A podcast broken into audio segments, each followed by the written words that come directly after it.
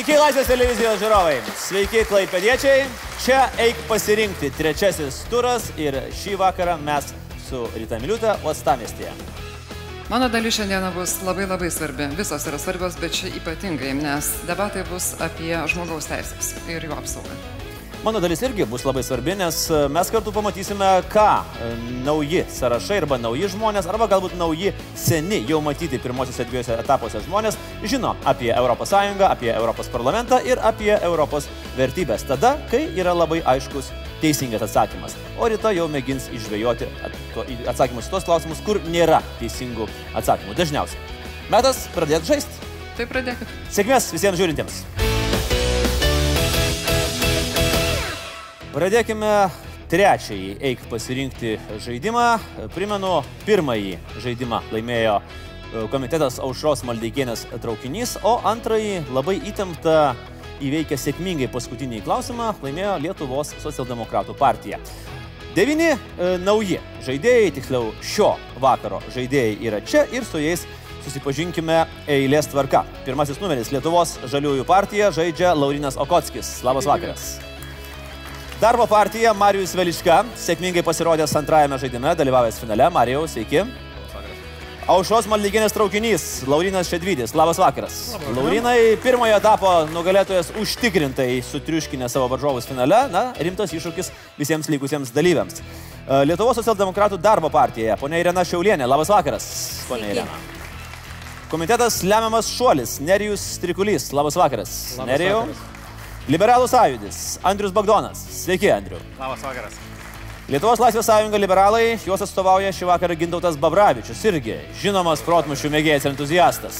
Ir šalia, jo ne ką mažiau žinomas e, ir auksinio proto ir kitų žaidimų dalyvis Vitalijus Mitrofanovas, Lietuvos socialdemokratų partija. Sveiki, Vitalijau.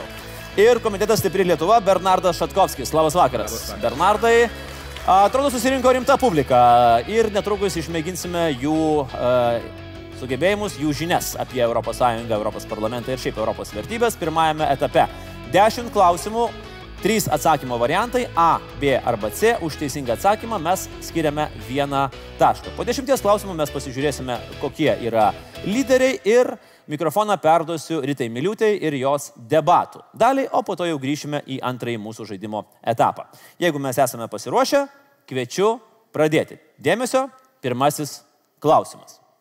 Kai pasakysiu laikas, pagalvokit 15 sekundžių ir pasirinkite variantą A, B arba C.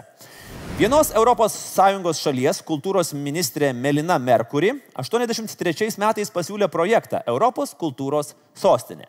Pirmoju tokiu miestu tapo būtent Melinos atstovaujamos šalies sostinė. Kuri? A. Madridas, B. Paryžius, C. Atenai. Laikas. A, B arba C.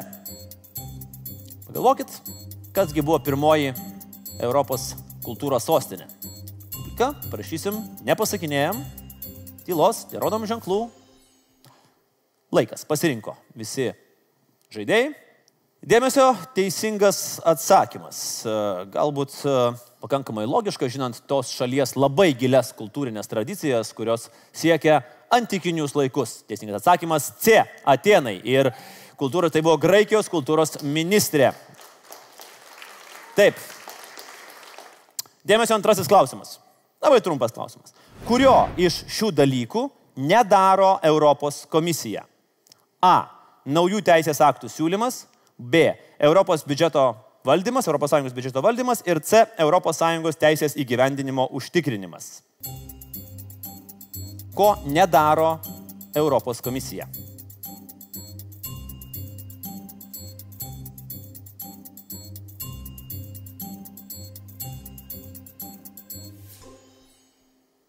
Taip, visi pasirinkot.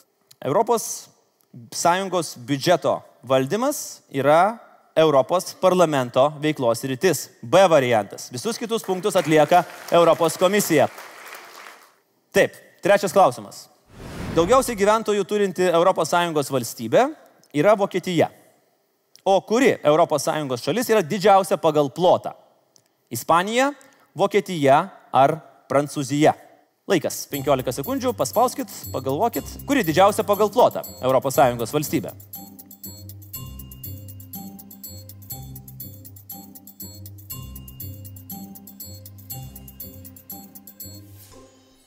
Pasirinkot.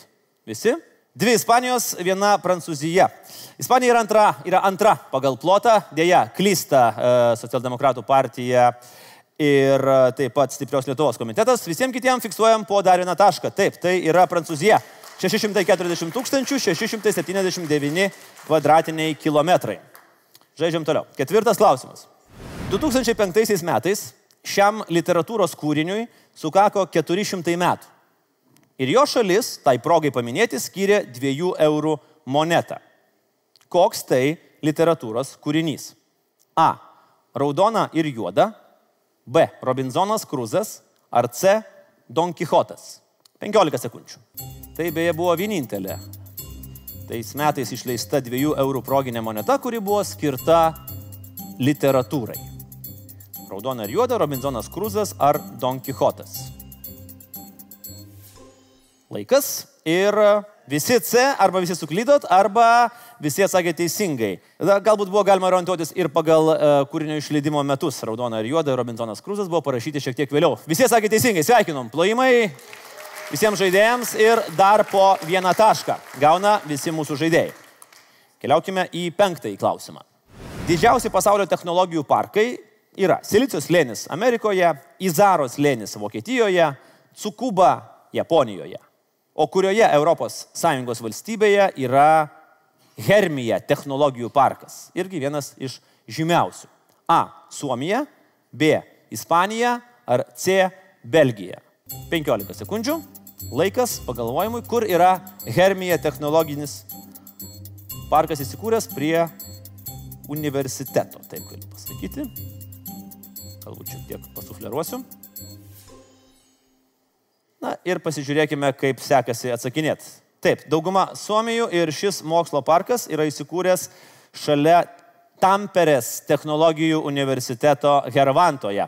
Ir teisūs tie, kurie pasirinko atsakymą A. Tokių buvo dauguma, keli mane, kad tai yra Ispanija. Ne, Hermija yra Suomijoje. Mes keliaujam toliau, šeštasis klausimas. 2003 m. vasario 20 d. pasirodė pirmasis lietuviškos Wikipedijos straipsnis atrodo visai neseniai, o tik prieš 16 metų. Kuri mašina buvo šio pirmojo straipsnio objektas? A. Kompiuteris. B.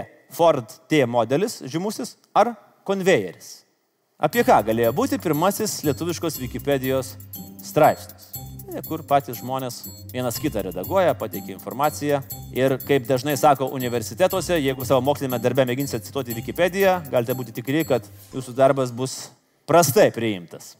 2003 metais labai aktyviai veikė informatikos humanitarams katedra, kurios e, vadovas, akademikas Laimutis Telksnys, greičiausiai ir su kolegom sumanė šitą reikalą. Aš manau, kad jis pasirinko kompiuterį. Turėjom kelis automobilius, bet teisingas atsakymas yra, ir manau, kad labai gražiai mes paaiškinimą, kodėl. Taip, tai kompiuteris. A variantas. Vėlgi dauguma žaidėjų atsakė teisingai, slystelė, abu, abu liberalai žiūri viens į kitą ir galvoja, ką mes čia dabar padarėm. Na, iš tikrųjų, būtų keista, jeigu pirmasis lietuviškas būtų apie amerikietišką Fordą. Bendrojo išsilavinimo klausimas, pasižiūrėsime, ar istorijos pamokas prisiminsite. 2014 metai Lietuvoje buvo paskelbti Oršos mūšio metais, kurios dabartinės valstybės teritorijoje vyko šis mūšis.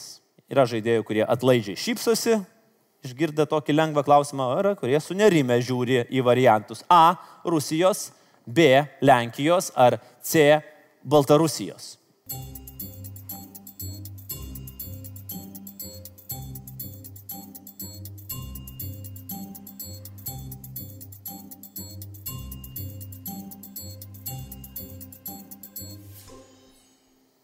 Praėjo 15 sekundžių, visi atlikot savo pasirinkimą, atsigėrėt vandens ir pasižiūrėkim, ar kažkas lystelė. Sunku tikėtis, kad uh, klausimas tikrai nėra labai sudėtingas. Ir mūšis vyko prie Oršos upės, kuri yra dabartinės Baltarusijos teritorija. Mūšė tarp Baltarusijos ir Rusijos buvo teisūs Baltarusijos palaikytojai. Na, liko dar trys klausimai, po to keliausime į debatus su Rita Miliuta, per tą laiką suskaičiuosime ir paskelbsime pirmojo etapo rezultatus. Kuris iš šių rašytojų, trijų, nėra, pabrėžiu, nėra airis. Samuelis Beketas, Čarlzas Dickensas ar Jonathanas Swiftas, kuris nėra airis. Turim du airius ir vieną ne airį. Kuris tai galėtų būti? Laikas. Dauguma mano, kad tai yra Čarlzas Dickensas ir du žaidėjai Nerijus ir Andrius mano, kad tai yra Jonathanas Swiftas. Teisingas atsakymas na, dauguma vėl teisi, kaip ir parlamente dauguma valdo. Čarlzas Dickensas buvo anglas. Devintasis klausimas. Na, toks vad klastingas. O gal? Yra toks titulas Europos sporto miestas. Jis renkamas nuo 2001 metų.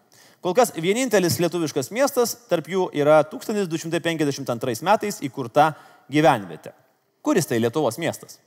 Šiauliai, Alitus ar Klaipėda? Klaipėdiečiai sako, mes, mes, mes, o gal jūs, o gal ir ne. At pažiūrėsim, ar žinos dabar. Visi trys miestai labai sportiški. Šiauliai, Alitus, Klaipėda. Taip, Praėjo 15 sekundžių. Ir e, taip, tai buvo Klaipėda. Deja, kas mane už Šiaulius ar už Alytų, suklydo. Ir dešimtasis paskutinis klausimas, po jo keliausime į debatus ir dar vėliau paskelbsime rezultatus po pirmojo etapo. 2002 e, metais NATO susitikime narystė šioje organizacijoje buvo pasiūlyta septynioms valstybėms, tarp jų ir Lietuvai kurios buvusios rytų bloko valstybės sostinėje vyko šis susitikimas. A. Lenkijos, B. Estijos ar C. Čekijos. Tada prasidėjo dėrybos ir jas mūsų valstybė įvykdė sėkmingai. Kuo mes dabar galime pasidžiaugti ir pasveikinti save su narystės NATO jubiliejumi. Pasirinkot. Dauguma mano, kad vyko Prahoje, Keli žmonės galvoja, kad e, viskas vyko Varšuvoje, o teisingas atsakymas yra C. Taip, tai yra Čekijos sostinė. Ir vėl didžioji dalis žaidėjų užsirašo savo po vieną tašką, kai kurie suklysta ir netrukus pamatysime jų turnyrinę reikiuotę. O dabar metas turbūt atsipūsti kai kuriems žaidėjams, e, juos pakeis kiti jų partijų arba komiteto, komiteto nariai, kai kurie bandys čia stovėti visą vakarą. Ir mane pakeičia Rita Miliutė.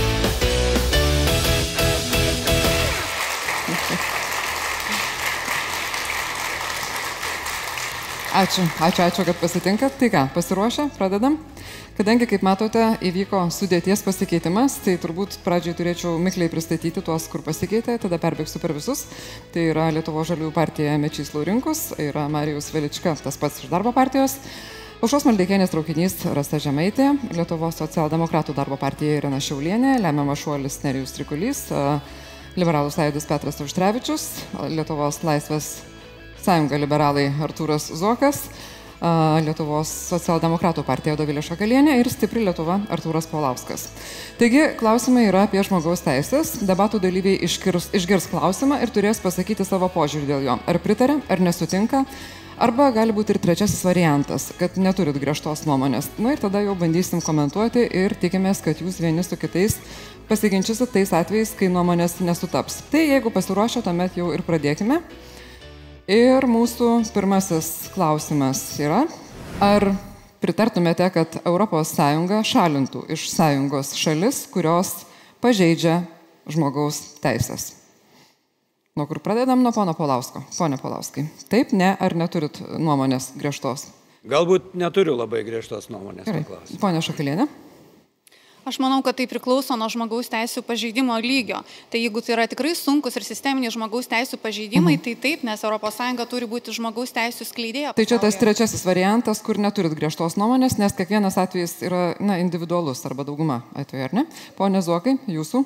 Aš nesutinku. E, kodėl? Todėl, kad dažniausiai tokius pažeidimus gali daryti konkrečios valstybės politinė valdžia. Tai vis dėlto Antrasis variantas, nesutinkat griežtai Taip. ar nelabai griežtai, tada būtų trečiasis. Tai. Sutinku, nesutinku griežtai, nes valdžia, kuri priima sprendimus, tai nebūtinai dar yra ta pati ta tauta arba žmonės. Ir tam tikrų momentų, jeigu politinė valdžia priima sprendimus, kuriais pažydžia mhm. kitų žmonių teisės, tai nereiškia, kad turi kentėti ir tos valstybės piliečiai, jeigu jos pašalintų šiuo atveju tokiu griežtu sprendimu iš Europos Sąjungos. Kai pažeidžia, tai piliečiai ne, ne, ne, ne, ne, nekenčia, ar ne, dėl nieko.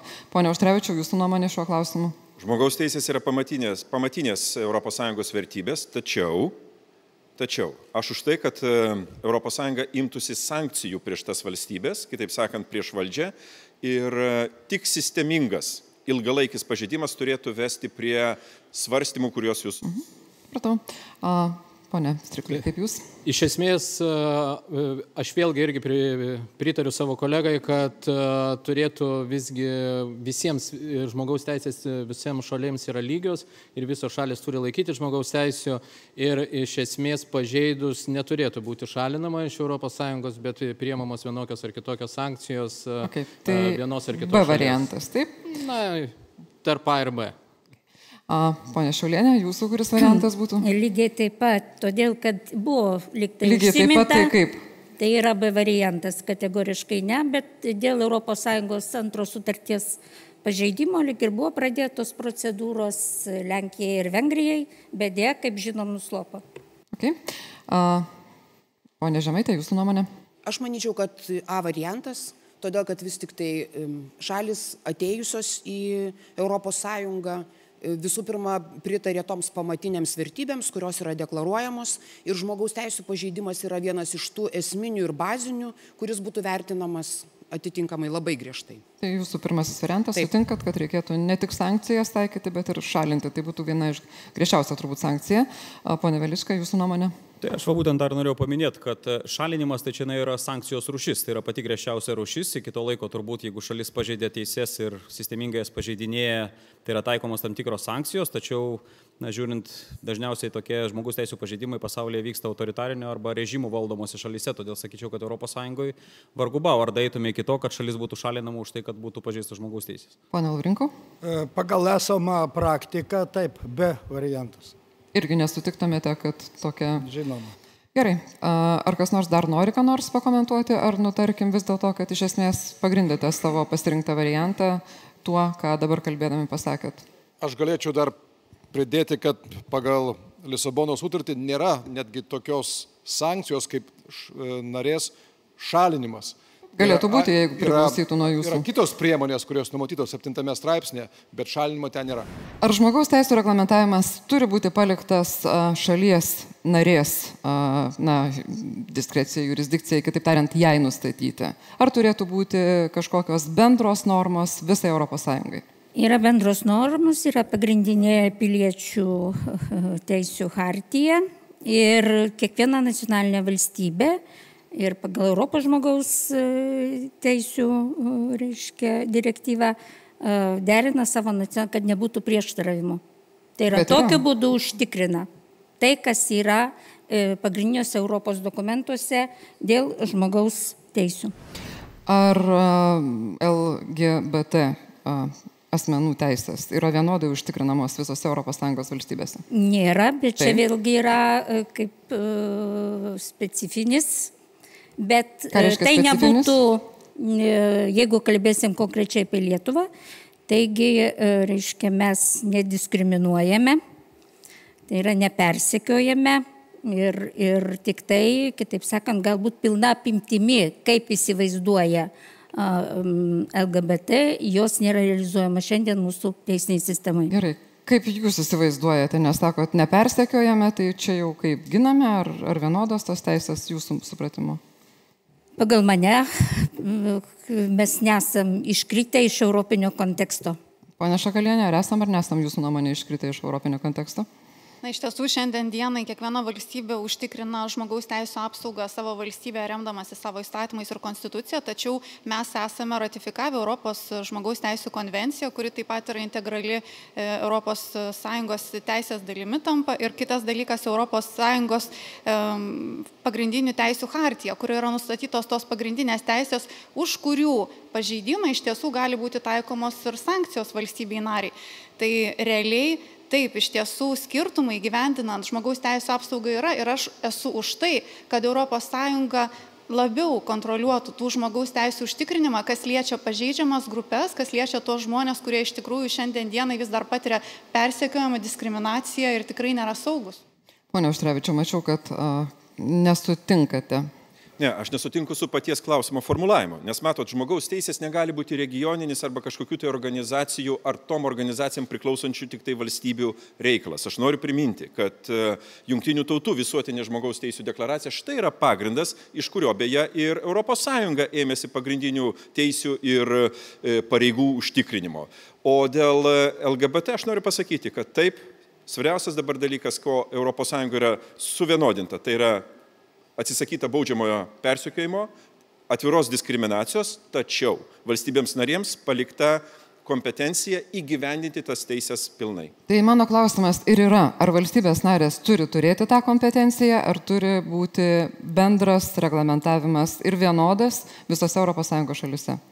Pone Strikulį. Na, iš esmės ES tai turėtų suformuoluoti tik tais principus, kurie iš esmės ir yra iš jungtinių tautų hartijos, Europos, Sąjung, e, e, Europos žmonių teisų ir pagrindinių laisvių hartijos ir e, vėliau pačios valstybės turi jau veikimo modelius suformuoluoti, taipogi kaip ir jie suformuoluoti yra Lietuvoje ta pati ir kas susijęta yra su, su LGBT judėjimu. Tai ar jūs pritarėte, kad liktų kaip yra, ar siūlytumėte keisti? Man kažkaip liktų, sunkiai sekasi. Taip kaip, taip kaip yra, dėl to, kad kiekvienas vienai par kitaip mes neturėtume pamiršti ir to truputį su, Vene, su Venero kiekvienos valstybės, dėl to, kad na, mes visi nacionaliniai parlamentai irgi turėtų teisę priimti vienokius ar kitokius okay. įstatymus.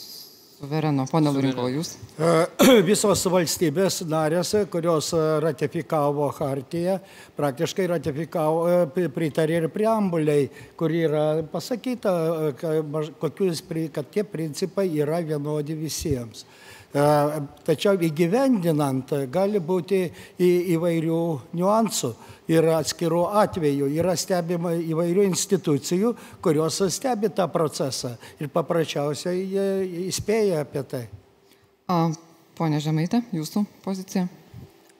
Aš manyčiau, kad iš tiesų ES turėtų intensyviau reglamentuoti ir intensyviau stebėti, ypač kalbant apie žmogaus teisų stebėsenos institutą, įsivedant aiškius kriterijus žmogaus teisų įgyvendinimo arba ne, iš, aiškiai įvardinant rodiklius, kuriais yra matuojamas žmogaus teisų įgyvendinimo lygis šalyje ir atitinkamai rekomenduojant šalims labai konkrečius veiksmus, ką galėtume padaryti, var, siekiant to bazinio ir pagrindinio standarto, kuris iš principo yra kaip, na, kaip siekėmybė visoms šalims.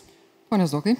Be jau minėtos e, žmonių teisų laisvių hartijos, kiekviena ES valstybė pasirašė Lisabono sutartį, kurios antrame punkte būtent ir yra apibrieštos pamatinės ES vertybės ir didžia dalimi tai susijęs su žmogaus teisėmis. Ir būtent tik šioje dalyje ES teisė turi arba gali turėti viršenybę prieš nacionalinius įstatymus.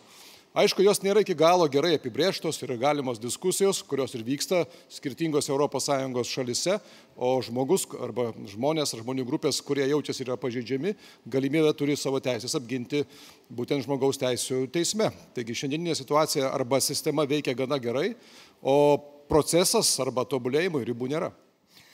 Pone Paulauskai. čia nebuvo pasakyta keletą dalykų. Tai tos žmogaus teisės, kurios yra patvirtintos hartijose, konvencijose, jos yra universalios, jos yra prigimtinės didžiaja savo e, prasme. Ir kai kurios yra dispozityvinės, kurios įstatymų yra suteikiamos ir tai gali daryti nacionalinės valstybės. Bet mes nekalbėjom apie mechanizmą, kaip žmogus gali ginti savo pilietinės teises, savo žmogaus teises tai yra teismų sprendimai. Ir mes turim konstituciją tiesiogiai taikomą, mes turim konvencijas tiesiogiai taikomas. Ir jeigu žmogus mato, kad viena ar kita teisė jo atžvilgiu yra ignoruojama, jis gali ginti teisme. Sakysim, pavyzdys. 17 e, metais mūsų teismai leido žmonėms pasikeisti asmens duomenis nors jie ir nebuvo atlikę lyties keitimo operacijų. Iki šiol negali atlikti, nes tai nėra įteisinta normaliai. teismai priėmė sprendimą, kad nereikia chirurginių būdų keisti savo lyties, bet gali pasikeisti duome, g- savo asmens duomenis, jeigu yra tam tikri, reiškia, socialinio elgesio modeliai. Tai aš turiu minti, kad mes teismų praktiką ir teismų visą darbą ginant žmogaus teisės turim žinoti ir tiesiog kelti į aukštesnį lygį. Bet turbūt sunku būtų paneigti, kad teismai vadovaujasi tais įstatymais, kuriuos priima šalies valstybės, šalies narės parlamentas. Jie vadovaujasi teisę. Ir tie, te- tie teismai, kurie žiūri iš tų principų, teisių, o ne vien tik tai iš formalių įstatymų raidžių, jie priema tokius sprendimus, apie kuriuos aš kalbėjau. Pone Vilička, jūs dar likot šito Aš klausimo. panašios nuomonės laikosi kaip mano kolega Artūras Paulauskas. Tai iš tikrųjų principas, kad pagrindinėse konvencijose yra apibrieštos bendrosios bendrėjai pagrindai, kas yra žmogaus teisės, kokios tos žmogaus teisės yra. Tačiau kiekvienai valstybei yra palikta įgyvendinti atskirus segmentus ir pavyzdžiui, kai kurių valstybių visuomenės arba socialinės visuomenės jos gali būti pribrendusios tam tikriems sprendimam, kurie nebus e, kodifikuoti arba e, normalizuoti e, normi, norminiuose dokumentuose. Na, kaip pavyzdys, paimkim Švediją, paimkim tą pačią Lietuvą su to pavyzdžiu, kur, reiškia, pakeitimas, pakeitimas pa- lyties yra įmanomas, tačiau konvencijose tas nėra apibriešta. Todėl aš norėčiau pasakyti, kad šalis turėtų teisę turėti pas save, turėti suverenę teisę, tam tikrus atlikti, atlikti gyvendinimo procese pakeitimus, kurie yra reikalinga šaliai pagal jos socialinės visuomenės poreikį. Kai turite teisę, klausimas buvo, ar turi būti vienodas reglamentavimas. Pone Zokai, nebeduosiu žodžio, nes jūs jau kalbėjote to klausimu. Einam prie kito. Ar prieglopščio prašytojai turi būti priimami į ES ir ar jie turi būti priimami pagal nustatytas kvotas, pone Laurinkau? Ar pritarėt, kad primtų prieglopščio prašytojus pagal nustatytas kvotas paskirstydami šalims, ar nepritarėt, ar turit trečią nuomonės variantą? E, Aš pritariu tai kritikai, kuri ir Lietuvoje buvo išsakyta dėl kvotų. O tai ką tada daryti su tais pabėgėliais, visus palikti Italijai? Ar... Nu, matyt, yra tarpas tokiai e, plačiai diskusijai ir e, ne, ne viena kol kas e, bendro sprendimo pačio teisingiausio ir išmintingiausio neįmanoma priimti. Pone Vilička. Kada ES kilo krizė, kuri buvo sąlygota, a, sakykime, karo, ar ne, kuris įvyko ir pabėgėliai plūstelėjo į Europą, a, žinant valstybės, tuometinės Vokietijos kanclerės poziciją, kad na, mes turėtume būti, turėtų būti atvira Europa, iš tikrųjų tai nebuvo tartasi su visom ES šalim. Šitas sprendimas buvo nuleistas, ypač mūsų mažosiom šalim. Na, mes sąžiningai tą savo naštą prisėmėm pagal kvotas, pagal gyventojų skaičių, pagal teritoriją mes ją prisėmėm ir mes ją vykdėm. Tačiau ar tai yra tinkama politika e, paskirstant pabėgėlius, aš manau, kad buvo pradėta ne nuo to. Iš tikrųjų nebuvo bendro sutarimo ES, ar mes bet taip elgiamės. Kokia dabar jūsų nuomonė? Ar tą reikėtų daryti tų kvotų? Dabartiniai laikytis ar ne? situacijai tokia, kokia jinai buvo, tai buvo teisingas sprendimas. Ar ateityje reikėtų elgti šitų modelių, jeigu toksai dalykas kiltų, manau, kad ne. Turėtų būti ieškomas kitas sprendimas. Pone Žmaitė. Na iš tiesų ateina laikas, kada mes turime galvoti ne tik apie tai, kaip mūsų šalis išgyvens, bet ir apie tai, kaip ES, kaip bendryje išgyvens. Ir dalintis atsakomybėmis yra ES taip pat privalu kaip ir bet kokioje šeimoje.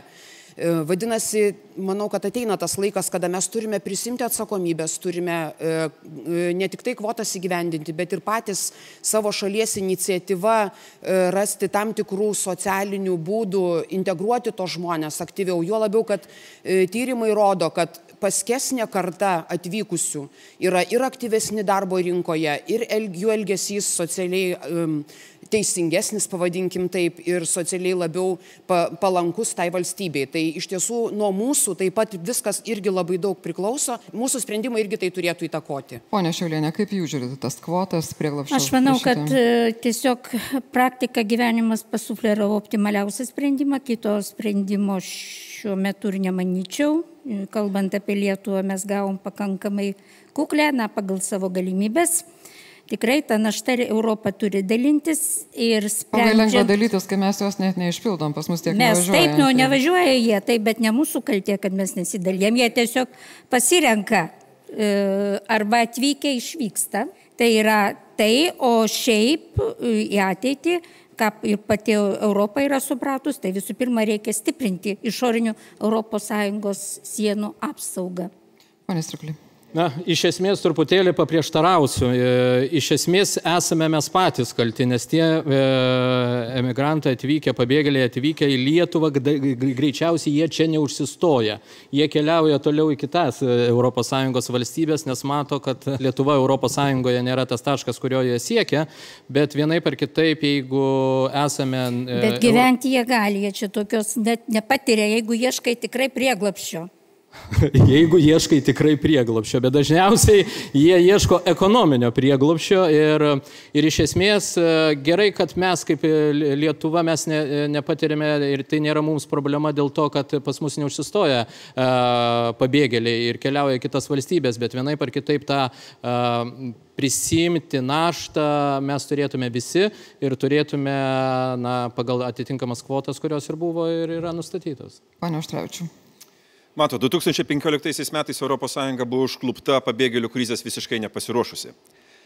ES veikia Dublino konvencija, kurios e, nuostatos e, žinomos, į kur patenka pabėgėlis, ten jisai turi ir apsistoti, jam tenai suteikiama našta, bet žinoma, tos valstybės narės, kurios buvo užplūstos, jos paprasčiausiai prašė pagalbos. Aš siūlau įsivaizduoti Lietuvai, pačią save, arba kaiminės valstybės, į kurias, tarkime, iš rytų, iš rytų Europos, iš Rusijos. O tokia situacija gali susidaryti užplūsta dešimtis tūkstančių pabėgėlių.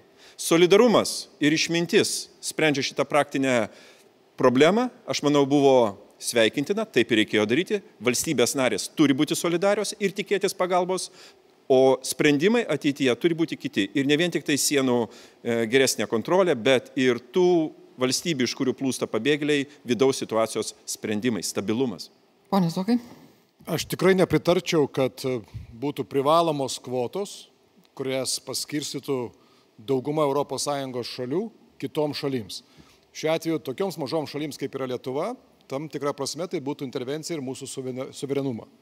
Tačiau be abejo Lietuva ir kaip kitos šalis mes esame ES nariai mes galime prisimti tam tikrą atsakomybę dėrybų, diskusijų būdų, įvertinant savo galimybės ir be abejo sprendžiant konkrečią problemą. Bet jokių būdų tai negali būti primestinis, priverstinis kvotų skirstimas. Tai kaip jūs siūlytumėt spręsti tada? Tarkim, na, netarkim, bet prisimenant, kad kai atsitiko antplūdis, tai palikti tuomet tas šalis, kurios yra pirmos to prieglopščio prašytojo, ko jai vienas tvarkyti su problema? Yra kiekvienai problemai tam tikri sprendimai. Tai siūlykit. Tai šiuo atveju lygiai taip pat ir Lietuva prisėmė tam tikras kvotas, įsipareigojimus ir apgyvendino. Tačiau aš noriu pabrėžti, kad yra skirtumas, kada jums primeta kvotą ir didžiosios šalis, arba, sakykime, tos, kurios turi daugiau balsų, priima priverstinį sprendimą ir yra visiškai kita, kada mes suprantame problemą, priimame ir padedame žmonėms, suteikdami jiems prieglapstį Lietuvoje. Atitinkamai, be abejo, pasiruošiant tam ir visą kitą.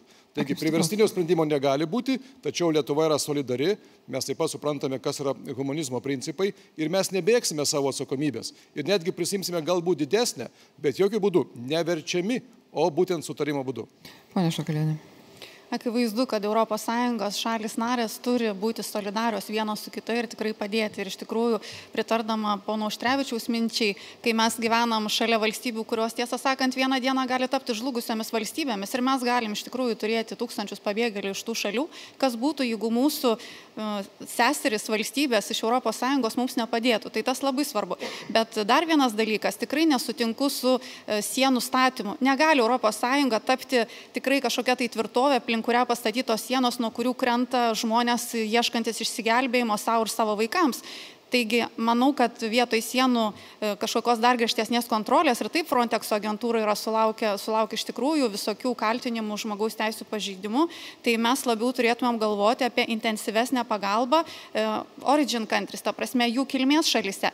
Nes kaip rodo, pavyzdžiui, ES žmogaus teisų ir demokratizacijos ataskaita, 2017 metais pavyko gražinti 19 800 žmonių į jų kilmės šalis ir padėti jiems ten vis dėlto prisitaikyti ir saugiai saugiai susikurti saugesnį gyvenimą. Tai tas yra taip pat labai svarbu. Pane Palauskai. Dabar mes kalbam apie pasiekmes. Iš tikrųjų, tie žmonės jau Europoje, našta Italijai ar ten Graikijai yra nepakeliama ir klausimas dėl kvotų yra teisingas. Bet reiktų pažiūrėti, o kodėl taip įvyko. Kodėl mes leidom tokiai dideliai migrantų masiai užplūsti.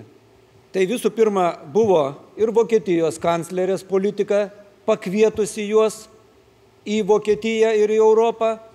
Sienų visiškai apsauga buvo keura ir mes turim šitą situaciją, kokią šiandien turim. ES turi iš esmės peržiūrėti savo migracijos politiką. Visų pirma, užtikrinti sienų apsaugą. Ir jeigu trūksta nacionalinių pajėgumų, turi ES daugiau skirti tų pajėgumų. Kitas dalykas, mes pripažinkim, kad didelė dalis šitų pabėgėlių yra ekonominio pobūdžio. Jie ieško kur geriau. Pažiūrėkit Lietuvoje, jeigu tau grėsia e, gyvybei pavojus, ar tu bėgsi, tau vis tiek čia suteikia būstą, suteikia kažkokį minimalų atlyginimą, bet ne, jis bėga ten, kur geriau. Reiškia, jo pagrindinis tikslas yra gauti kuo geresnę ir kuo didesnę e, ekonominę naudą. Na, tai panašiai, aš... kaip buvo tų žmonių, kurie bėgo iš Lietuvos tarp pirmojo ir antrojo pasaulinio karo. Tarkim, Vi, visiš, visiškai šalis. sutinku, aš nesu, sakysim, žmogus, kuris sako, čia neturi būti nei vieno e, pabėgėlio. Mes iš tikrųjų irgi ir lietuviai pergyveno. Ir, ir man pačiam susitikimuose žmonės sakydavo, o kodėl mūsų žmonės, kurie bėga ir šiandien važiuoja į ekonominės laimės ieškoti, irgi ten randa Mes turim pasižiūrėti tolerantiškai, bet mes neturim leisti, kad užplūstų tiek daug, milijonai, juk eina kalba apie milijonus, kitos kultūros, visiškai kitos religijos žmonės. Jie šiandien neintegruojasi. Pripažinkim, mes neturim patirties, bet neturi tokia Belgija, neturi Vokietija patirties. Tai ar mes galim priimti tokį didelį kiekį? Supratau, jūs Aš galvoju, kad turim tikrai... rimtai peržiūrėti. Ir trumpa replika ponui Laurinkui ir ponui Viličkai. Čia problema yra ne solidarumo stoka tarp ES valstybių narių e, ir ne egoizmo problema, kuri galbūt viena norėtų kitaip spręsti e, ir norėtų būti gal ir nuo šaly. E, problema yra modelio primetimas, modelio pasiūlymas ir jis buvo netinkamas. Kaip lygiai yra netinkamas ir manau e, tikrai kritikuotinas, kritikuotinos dabartį Makrono frazės apie Šengeną. Pane Vilička. Aš tik tai norėjau pasakyti, kad kolegos mes visi nukrypom į platesnę savoką, tai mes nukrypom į savoką migrantai. Klausimas, klausimas buvo, buvo, klausimas buvo būtent apie pabėgėlius. Pabėgėlis tai yra tas asmo, kuris bėga nuo tam tikros padėties jo šalyje, kurioje jam yra nesaugu ir kitos šalis pripažįsta, kad toje šalyje yra nesaugu ir už tai priema laikinai pas save šalyje. Kai tos aplinkybės išnyksta, jisai turi teisę grįžti į savo šalį, nebent valstybė vykdo tam tikrą politiką, kur leidžia tiem asmenim integruotis į jų darbo rinką. Tai aš manau, kad e, ta migrantų banga, teisingai pavadinus migrantų banga, kuri plūstelėjo Europą, tenais didėjau daugiau negu 50 procentų buvo žmonių, kurie nebėgo nuo karo, tiesiog kurie ieškojo geresnio gyvenimo ir Europa tam nebuvo pasiruošus. Kągi, šiandien mums skirtas laikas baigėsi, dėkoju labai už šią dalį. Su tais, kas iš jūsų atvažiuos į kitą etapą Šiauliuose, ten ir pasimatysim. Dėkoju žiūrovams ir padėkokim plaimais, plaimais dalyviams.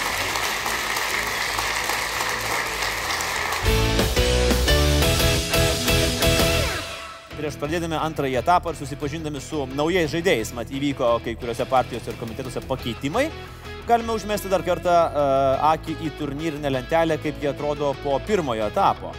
Uh, keturi lyderiai - Liberalų sąjūdis, Lietuvos socialdemokratų ir darbo partija, Aušos Maldykinės traukinys ir Lietuvos žaliųjų partija po aštuonis teisingus atsakymus. Jie kol kas yra to, tarp tų keturių komandų, kurios patenka į finalą. Priminu, į, fina, į finalą patenka keturios komandos. Toliau lemiamas šuolis darbo partija po septynis taškus, stipri Lietuva šeši taškai ir galbūt paskubėjau įvertinęs Lietuvos Laisvės Sąjungos ir Lietuvos Socialdemokratų partijos žaidėjus kaip labai stiprius protmušistus, jie kol kas surinkę yra tik po penkis taškus. Bet mes pradedame antrąjį etapą, dešimt klausimų, keturi atsakymo variantai ir štai čia už kiekvieną teisingą atsakymą mes jau skirsime du taškus, vadinasi, turnyrinė lentelė galės labai ir labai greitai keistis ir e, žvelgiu į žaidėjų devynetą, matau naujus veidus, pažindinuosi Lietuvo žaliųjų partija, nauja žaidėja Jeva Budraitė. Labas vakaras, Jeva, sėkmės.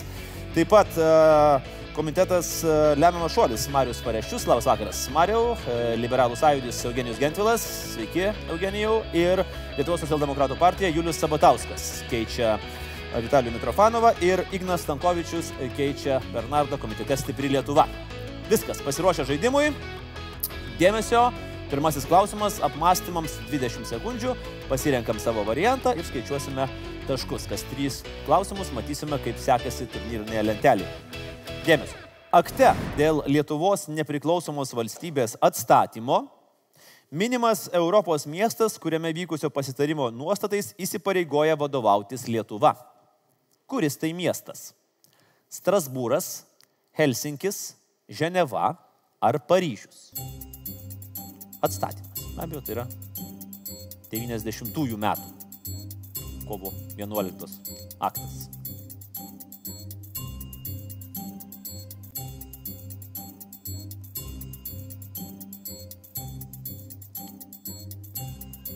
Taip. Pasirinkote atsakymus ir šiame akte pasižadama laikytis 1975 metais Helsinkije priimtų nutarimų. Konferencijos tuo metu ir buvo įsteigta Europos saugumo ir bendradarbiavimo organizacija. Pirmoji organizacija, kurios nare po atkurtos nepriklausomybės tapo Lietuva. Keliaujam toliau. Antrasis klausimas. Matera Viena iš dviejų Europos kultūros sostinių 19 metais yra garsi savo Sasi di Matera, UNESCO pasaulio paveldo objektu, į kurį siekiama vėl sugražinti gyventojus. Kas yra Sasi di Matera? A. Vienuolynas. B. Namai ant polių. C. Urvų sistema. Ar D. Viduramžių fortas. Kas yra Sasi di Matera?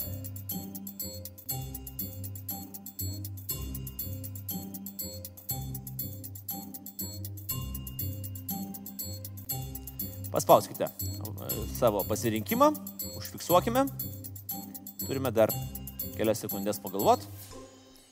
Aš gal priminsiu, dėl ko aš aną apsirikau. Priminkit. Aš užsiciklinau, kad apie 18 metų nepriklausau. Bet aš įspėjau. Tvarkoj. Bet aš jūs įspėjau. Tai, ne, ne, tai aš jokių priekaištų jums. O čia prieš porą metų buvau C. Na, turbūt reikia gal vis dėlto patikėti žmogum, kuris teigia ten buvęs, nu, negi dabar meluos liberalų sąjūdžio lyderis. Nemeluoja. Eugenijus Gentvilas, taip, tai C variantas, urvų sistema.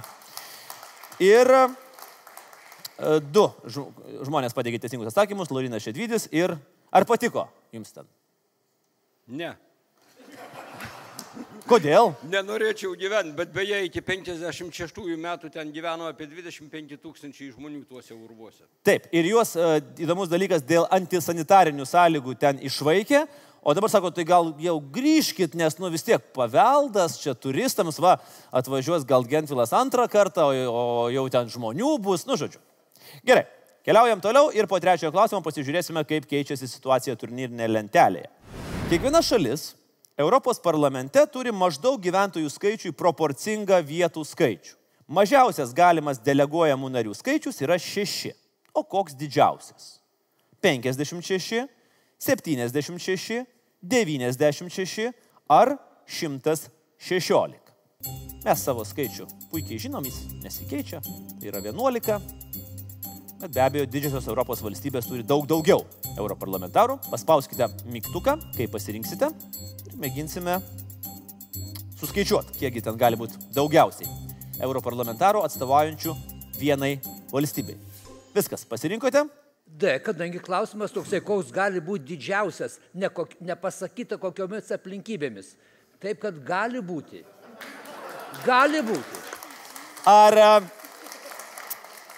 Mielas Ignai, ar jūs esate baigęs filosofiją, ar tokį, kur ten Šriodingerio katinas, kur gali būti ir gali nebūti vienu metu? Natūrų filosofija, bet man labai patinka Hegelio supriešinimas. Niekas ir kažkas. Nu, aš jums atsakysiu Nyčias žodžiais, žinot, kai per ilgai žiūri į bedugnę, žinot, kas būna. Tai e, mes žaidžiam, mes čia paprasti žmonės, su filosofija nieko bendro neturim ir teisingas atsakymas yra C. 96 tiek daugiausiai gali turėti ir turi Vokietija. Ir metas užmesti akį į turnyrinę lentelę. Primenu, mums reikia sužinoti keturių geriausių komandų rezultatus. Taip, turim vieną lyderį, nenustepsiu, pamatęs e, šio sąrašo pavadinimą viršuje, tai yra Aušos Maldikinės traukinys 14 taškų ir vieną faną turi salėje, ne? Bet labai gerą. Bet labai gerą. Labai gera. O gali traukinio garsą pa, pa, pabandyti ten? Va, o, štai. Gerai, kad pasirinkot ne lėktuvą. Būtų sunkiau. Gerai, e, o rim, surimtėkime e, Socialdemokratų darbo partija, Liberalų sąjūdis ir Žaliųjų partija po 12 taškų, darbo partija 11. Na ir kol kas e, neišsirita iš to mūsų, kaip sakoma, ariergardo Lietuvos socdemai ir Lietuvos laisvės sąjunga. Jie turi po 7 taškus. Gerai, keliaujam toliau. Ketvirtasis klausimas. Europos Sąjungoje pripažįstamos valiutos, na, be euro be abejo, yra ir nacionalinės valiutos. Lenkijos zlotas, Kroatijos kuna ir taip toliau. Taip pat ES pripažįsta ir vienos šalies užjūrio teritorijos valiutą, kurios Didžiosios Britanijos, Prancūzijos, Italijos ar Ispanijos laikas 20 sekundžių.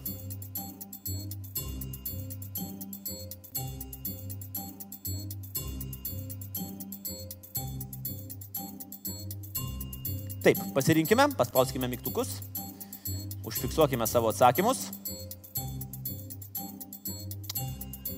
Ir pamėginkime aiškintis, kienogi tai gali būti užžiūrio teritorija. Po to be abejo aš pasakysiu, kuri tai yra. O jeigu, sakykim, būtų A, Didžioji Britanija, kokia tai galėtų būti teritorija? Kas turite idėjų? Kurią pripažintų Europos Sąjunga? Falklandus ar Gibraltaras. Fol...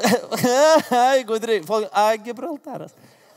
Taip, tai yra Gibraltaras, Gibraltaro svaras. Ji yra oficialiai pripažįstama ES, labai turbūt logiška, kodėl. Ir po du taškus gauna tie žaidėjai, kurie pasirinko variantą A.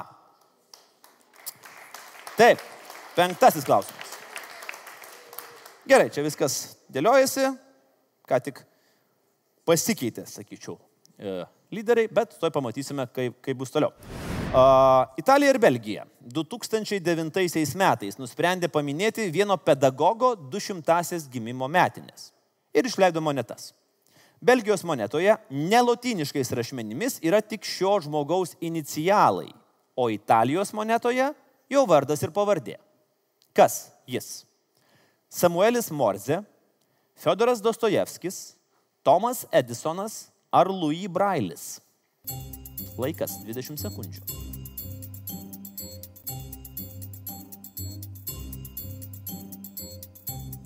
Jeigu ieškote iš šių žmonių, tarp šių žmonių italo arba belgo, tai neieškokit, nes kaip be būtų keista, šitos šalis nusprendė pagerbti kitos šalies atstovą. Dauguma mano, kad Brailis ir būtent monetose inicialai ir vardas bei pavardė, būtent Italijos uh, monetoje buvo parašyta brailio raštu skirtu neregiams skaityti ir mokytis. Taip, du taškai tiems, kurie pasirinko D variantą.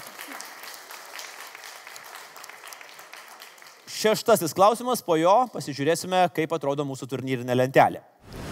XIX amžiaus pabaigoje Junktinėje karalystėje kilo geležinkeliečių protestai, kuriuose dalyvavo iki 8 tūkstančių žmonių. Pakankamai nemažas, rimtas skaičius. Kokia viena darbo ypatybė ypač nepatiko Britų geležinkeliečiams. A. Darbas naktimis. B. Keleivių transportavimas. C. Kelionės sekmadieniais. Ar D. Mašinistės moteris. Atrodytų, kad visi keturi dalykai yra neišvengiami, bet dėl vieno dalyko jie labai rimtai protestavo. Dėl kurio? Dėl darbo naktimis, darbo sekmadieniais, keleivių transportavimo ar dėl to, kad mašinistės gali būti ar yra moterys. Pasirinkite, paspauskite mygtukus. Taip, visi užfiksavo savo atsakymus. Niekas nepasirinko darbo naktimis, bet tai ir nebuvo teisingas atsakymas. Kažkas mane, kad nenorėjo keliaivių vežti, tačiau truputį gal būtų buvę per daug šiek tiek protestuoti prieš Tai ir arba mašinistės moteris, arba darbas sekmadieniais. Vis dėlto turbūt XIX amžiaus pabaigoje nebuvo tiek daug mašiniščių moterų, kad tai galėtų kilti problema dėl masinio streiko. Dėl darbo sekmadieniais. Nu kur mes sekmadienį turim varinėti čia pirmyn atgal, pirmyn atgal. C variantas teisingas ir būtent tie, kurie laikosi Dievo įsakymų ir, ir tradicijas gerbė, gauna po du taškus. Pasižiūrėkime, kaip pasikeitė turnyrinė lentelė po šešių klausimų. Štai taip, netikėta galbūt kai kam, bet turim du uh, lyderius, tai yra Socialdemokratų darbo partija ir Maldeikienės traukinys po 16 taškų ir labai temta kova dėl likusių dviejų vietų - Liberalų sąjūdis, Stipri Lietuva ir Lietuvos žaliųjų partija. 13 taškų darbo partija, Laisvės sąjunga 11, LSDP 11, lemiamas šuolis 11. Liko dar 4 klausimai. Dėmesio septintas klausimas. 2012 metais LRT radijas metų žmogaus apdovanojimą skyrė ne žmogui, o organizacijai už pastangas burti žmonės. Kokia tai organizacija savo veiklą Lietuvoje pradėjusi 2008 metais? Darom Baltusios pirštinės, Vaikų linija ar Lietuvos karitas.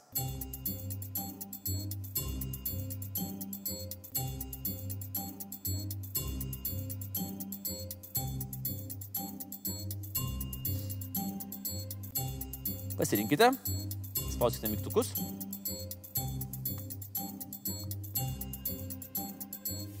Dvidešimt sekundžių ištiksėjo. Daromnis vienintelis, kuris atitinka klausimą - burti žmonės. Nie vaikų nebūrė, nei baltus piršinės nebūrė skaidrumas, nei karitas padeda, o būrė žmonės darom. Pakankamai logiškai, na aš galėčiau galbūt pasiginčyti dėl baltųjų pirštinių, kurios labai man mėgina pritraukti. Skaidrumą tik tai. Bet pri, nori pritraukti žmonės, kad jie Ten stebėtų rinkimus. Skaidrumas pagrindinis buvo jų. Būrė, bet vis dėlto turbūt reiktų sutikti su šitais argumentais, kad labiausiai žmonės vieną kartą per metus, dėje tik vieną kartą per metus, subūrė darom organizaciją, kai mes tvarkomės. Taip, A variantas, darom. Dar po du taškus darantiems. Ir būtent už pastangas sutelkti, kad mes visi tvarkytumėmės ne tik savo kieme, bet ir savo valstybėje, darom ir buvo paskelbti metų žmogumi. Aštuntas klausimas. Adresas skamba taip. 263 Princengracht Amsterdamas. Šiuo adresu esantį pastatą vienas asmuo vadino namais, o dabar šiame name yra minimo asmens vardo muziejus. Kas šis asmuo? Ana Frank, Vincentas Van Gogas, Fredis Heinekenas ar Beatrix Wilhelmina Armgard? Kas šis asmuo gyvenęs tame name, o dabar čia yra to vardo, asmens vardo muziejus. Truputį tylos salėje, nes ir aš jau girdžiu įvairius variantus, nebūtinai teisingus. Paspauskime mygtuką ir pasižiūrėkime, ar papildys kai kurie žaidėjai savo taškų kreitelę. Aš žiūriu, kiekvienas žaidėjas išgyvena kažkokią asmeninę dramą antrajame etape. Vienas dūstauja, kitas nori, vieną galvoja, kitą daro, trečias nori spausti, ketvirtas bando suderinti lyg ir tų pačių vertybių kažkokias pozicijas, o penktas filosofuoja visuomet.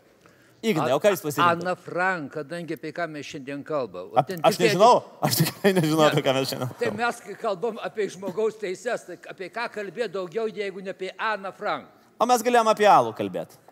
Tai ne žmogaus teisės. Tad alus, Teisės, alus su žmogaus teisėm šitoj valstybei labai susijęs. Skaitykit šveiką. Labai. Gerai, bet aišku, kalbėkime rimtai, tai yra viena turbūt žymiausių istorijų antrajame pasaulinėme kare gyvenusi mergaitė Ana Frank ir jos vardo muziejus, viena iš Amsterdamo įžymybių. Taip, du taškai keliauja visiems, kurie pasirinko Ana Frank ir A variantą. Dėmesio prieš paskutinis klausimas. 1964 metais Junktinės karalystės pašto ženkluose pirmą kartą istorijoje buvo pavaizduotas ne karališkosios šeimos narys. Kas šis asmuo? A.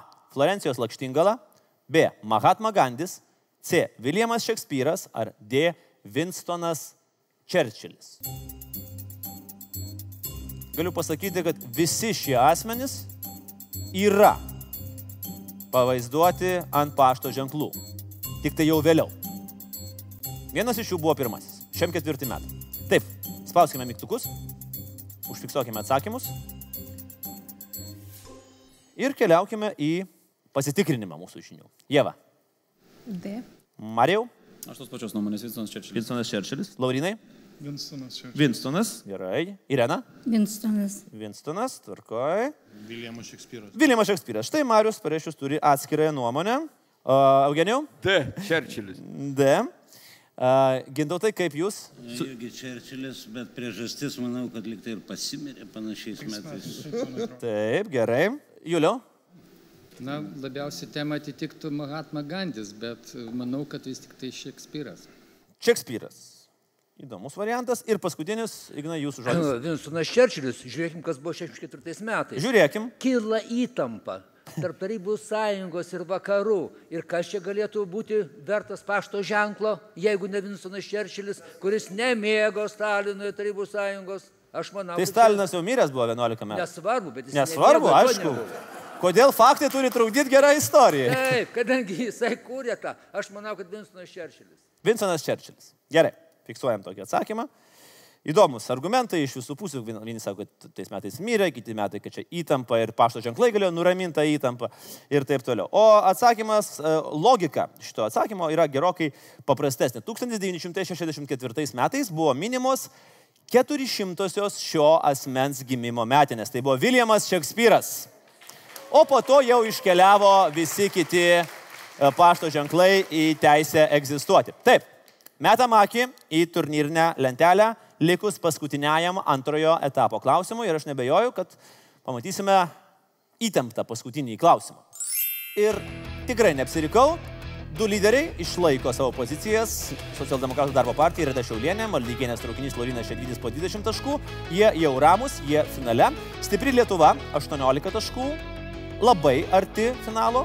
Darbo partija 17 taškų ir jiems ant kojų lipa liberalų sąjūdis, žaliųjų partija.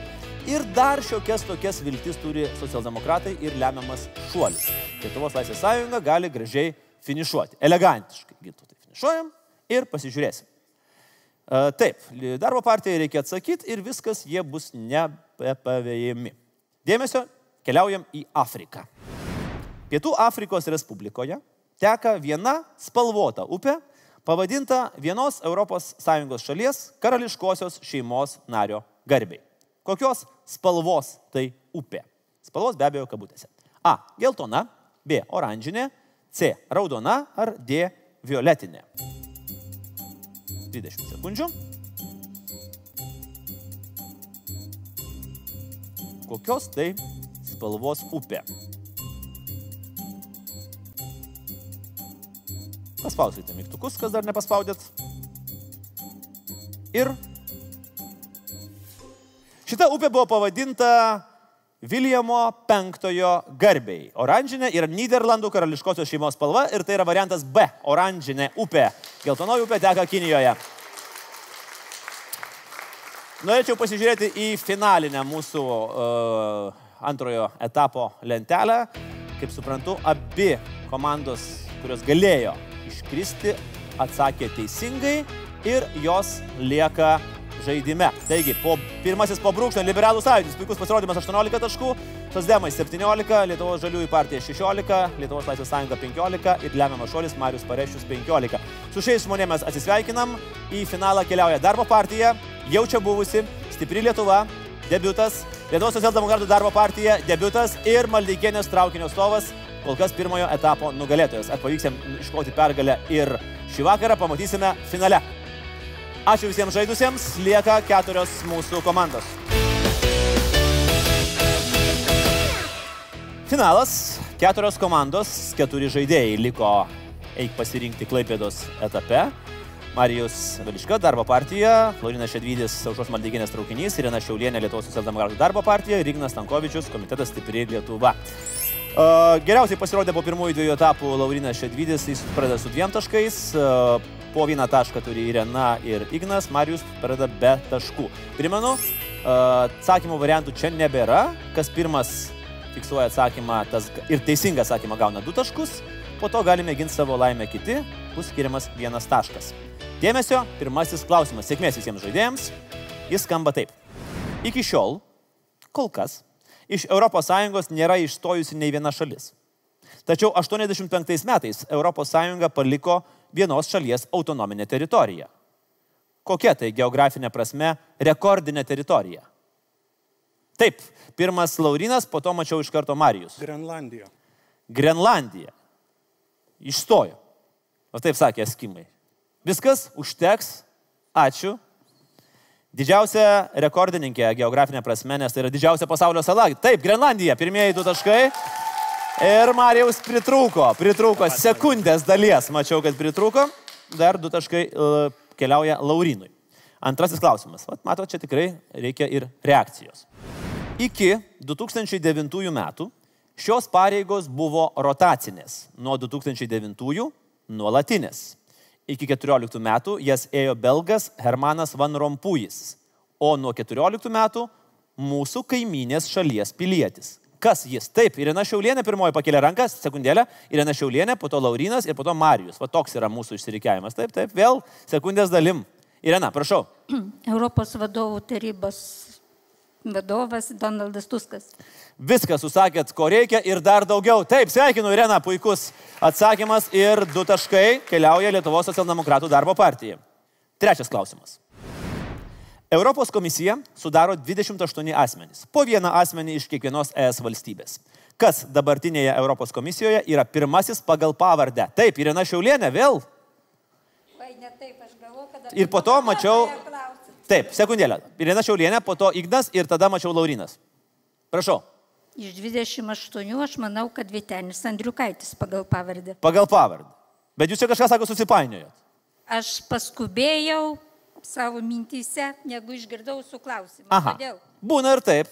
Būna ir taip, bet žinokit, e, ponia Irena, mes būtume labai keisti ir labai žiaurus, jeigu būtume reikalavę pasakyti kokį nors, aš nežinau, rumūno ar bulgaro pavardę. Taip, tai Videnis Andriukaitis ir turim naują lyderį šio vakaro žaidime Irena Šiaulienė. Du taškai.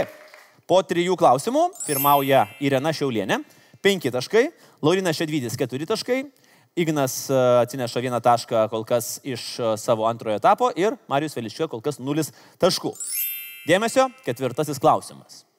Euro jis, na kažkas, yra Europos komisijos inicijuojamos gyventojų apklausos aktualiais ES klausimas. Taip, nelaukia Laurinas Šedvydis, mano, kad tai yra Eurobarometras. Ir klausimas skamba, koks prietaisas yra jis. Barometras yra prietaisas oro slėgiui matuoti, o euro apklausos yra vadinamos Eurobarometru ir vykdomos nuo 73 metų. Taip, Laurinai, du taškai jums. Ir vėl, ir vėl pasikeičia lyderiai ir dabar atrodo, kad žaidžia du žmonės. Reakcijos geresnės, jaunesnės. Kiti žiūri ir galvoja, palaukit, tuo išėms baigsis baterijos. Penktas klausimas. Galbūt irgi reikia reakcijos. Vienas iš besibaigiančios Europos parlamento kadencijos Lietuvos atstovų nepriklauso ne vienai nacionaliniai Lietuvoje veikiančiai partijai, kuris. Taip, Irena Šiulinė, jūs kasėte savo ranką ir mačiau Marijus Velička antrasis. Irena. Valdemaras Tomaševskis. O, tai yra Lietuvos Lenkų rinkimo asakcijos lyderis. Taip, Laurinai. Guoga? Gu... Guoga. Guoga. Guoga. Guoga. Guoga. Guoga. Taip, Antanas Guoga. Marijau, jums trūksta visą laiką. Sažininkai pasakysiu, aš labai didžiai stebiu. Jums trūksta maždaug trečdalio sekundės. Gerai, žaidžiam toliau. Šeštas klausimas. 2012 metais protestuojantis ūkininkai į Briuselio gatves išvažiavo traktoriais ir surengė tikrą mūšį. Apipylė Europos parlamento pastatą ir policininkus tūkstančiais litrų skyščio. Kokio? Taip, Laurinas. Pieno. Tad, pieno. Pieno apipylė. Tai prasidėjo jau lenktynės ir šį kartą Laurinas Šedvidis laimė šitas lenktynės, nes tai buvo pienas. Taip, teisingai. Septintas klausimas. Europos parlamento veikla skirstoma į tam tikras kategorijas - teisėkuros, biudžeto valdymo ir priežiūros. Tarp priežiūros funkcijų yra ir punktas, kurį Lietuvoje atlieka visuomeninė organizacija įkurta 2012 metais. Kaip vadinasi ta organizacija? Taip. Visi ją puikiai žinot, neabejoju. Pakelkite ranką, pakelkite ranką, kas norit spėt.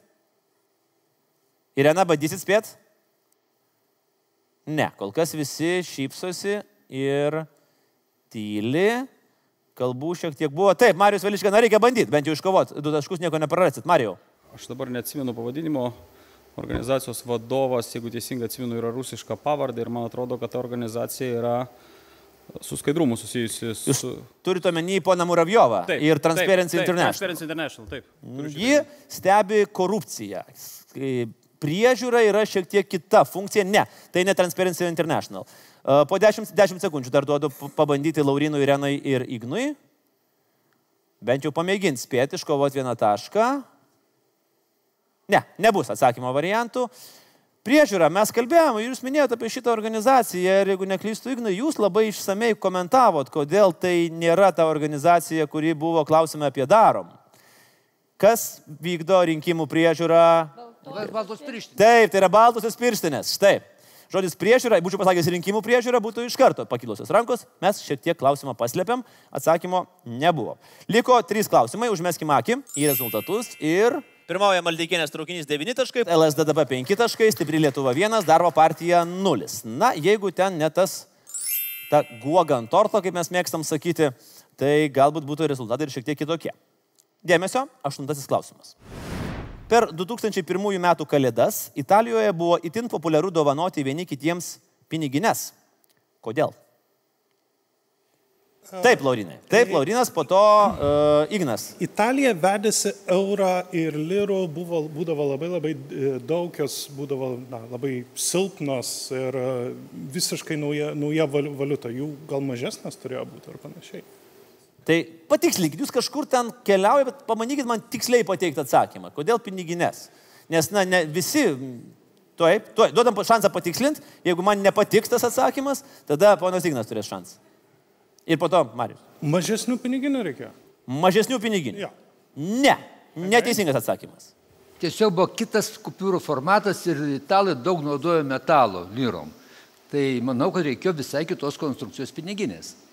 Ir aš turbūt turėčiau vis dėlto įskaityti artimesnį pono Igno tašką, nes būtent pasikeitęs, pasikeitus formatui pinigų, lyros buvo, reikėjo kitokio formato piniginių. Jas siuvo būtent pritaikytų prie euro banknotų ir monetų. Nebūtinai jos turėjo būti mažesnės. Taip, taškas Ignui Stankovičiui.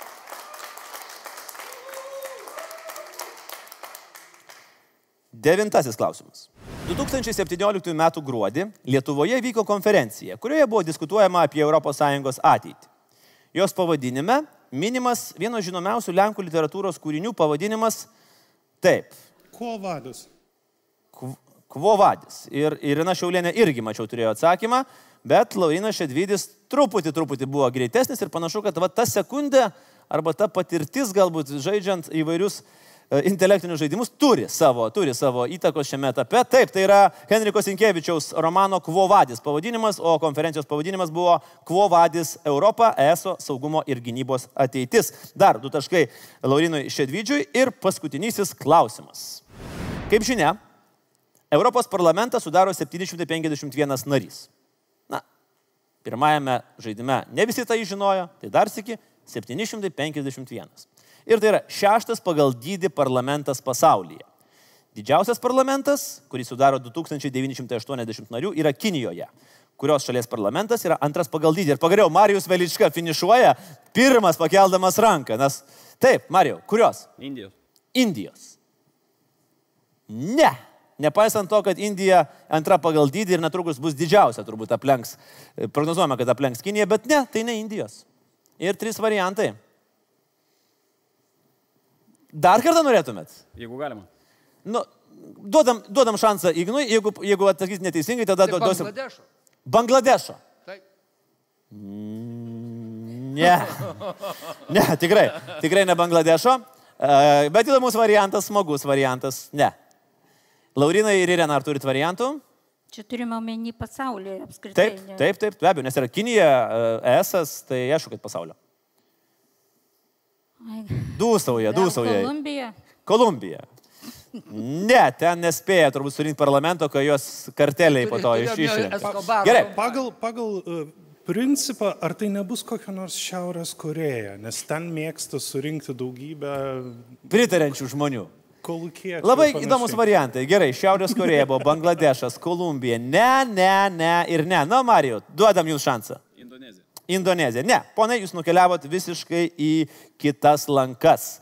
1443 nariai yra šiame parlamente. Jis yra dalyjamas į dviejus rūmus. Ir tas parlamentas yra dabar visi susijęme už galvos, nes nežino, ką jie daro apskritai gyvenime.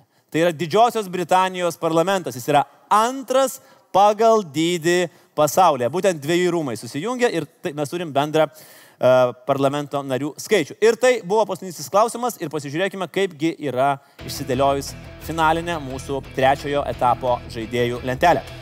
Daro partija Marijos Velička nesugebėjo vis dėlto įsibėgėti, tai yra antras jūsų finalinis etapas, aš tikiuosi, kad e, Šiauliuose seksis dar geriau. E, stipri Lietuva, du taškai. E, Irina Šiaulienė, kurį laiką pirmavo ir Socialdemokratų darbo partija, tai yra labai puikus pasirodymas, žaidimas finale. Ir antrąjį mūsų trofėjų tenka įteikti Aušos Maldykinės traukinio atstovui Laurinui Šedrydžiui. Laurinai, sveikinam. Štai čia Ačiū už puikų žaidimą, rekordo nepagerinot, bet nauja, naujas trofėjus į taurę. Laurinas Šedrydis yra šio vakaro nugalėtojas, galima pasveikinti savo varžovus, vieni kitiems su puikiu žaidimu. Aš dėkoju mūsų Klaipėdos publikai, dėkoju visiems, kurie žiūrėjo mūsų trečiąjį žaidimą. Kitą savaitę e, renginys jau Šiauliuose, o po dviejų savaičių finalas, kur geriausios komandos, geriausios žaidėjai susitiks Vilniuje, Siemens arenoje. Ačiū, iki pasimatymo, likite su Laisvės televizija. Viso.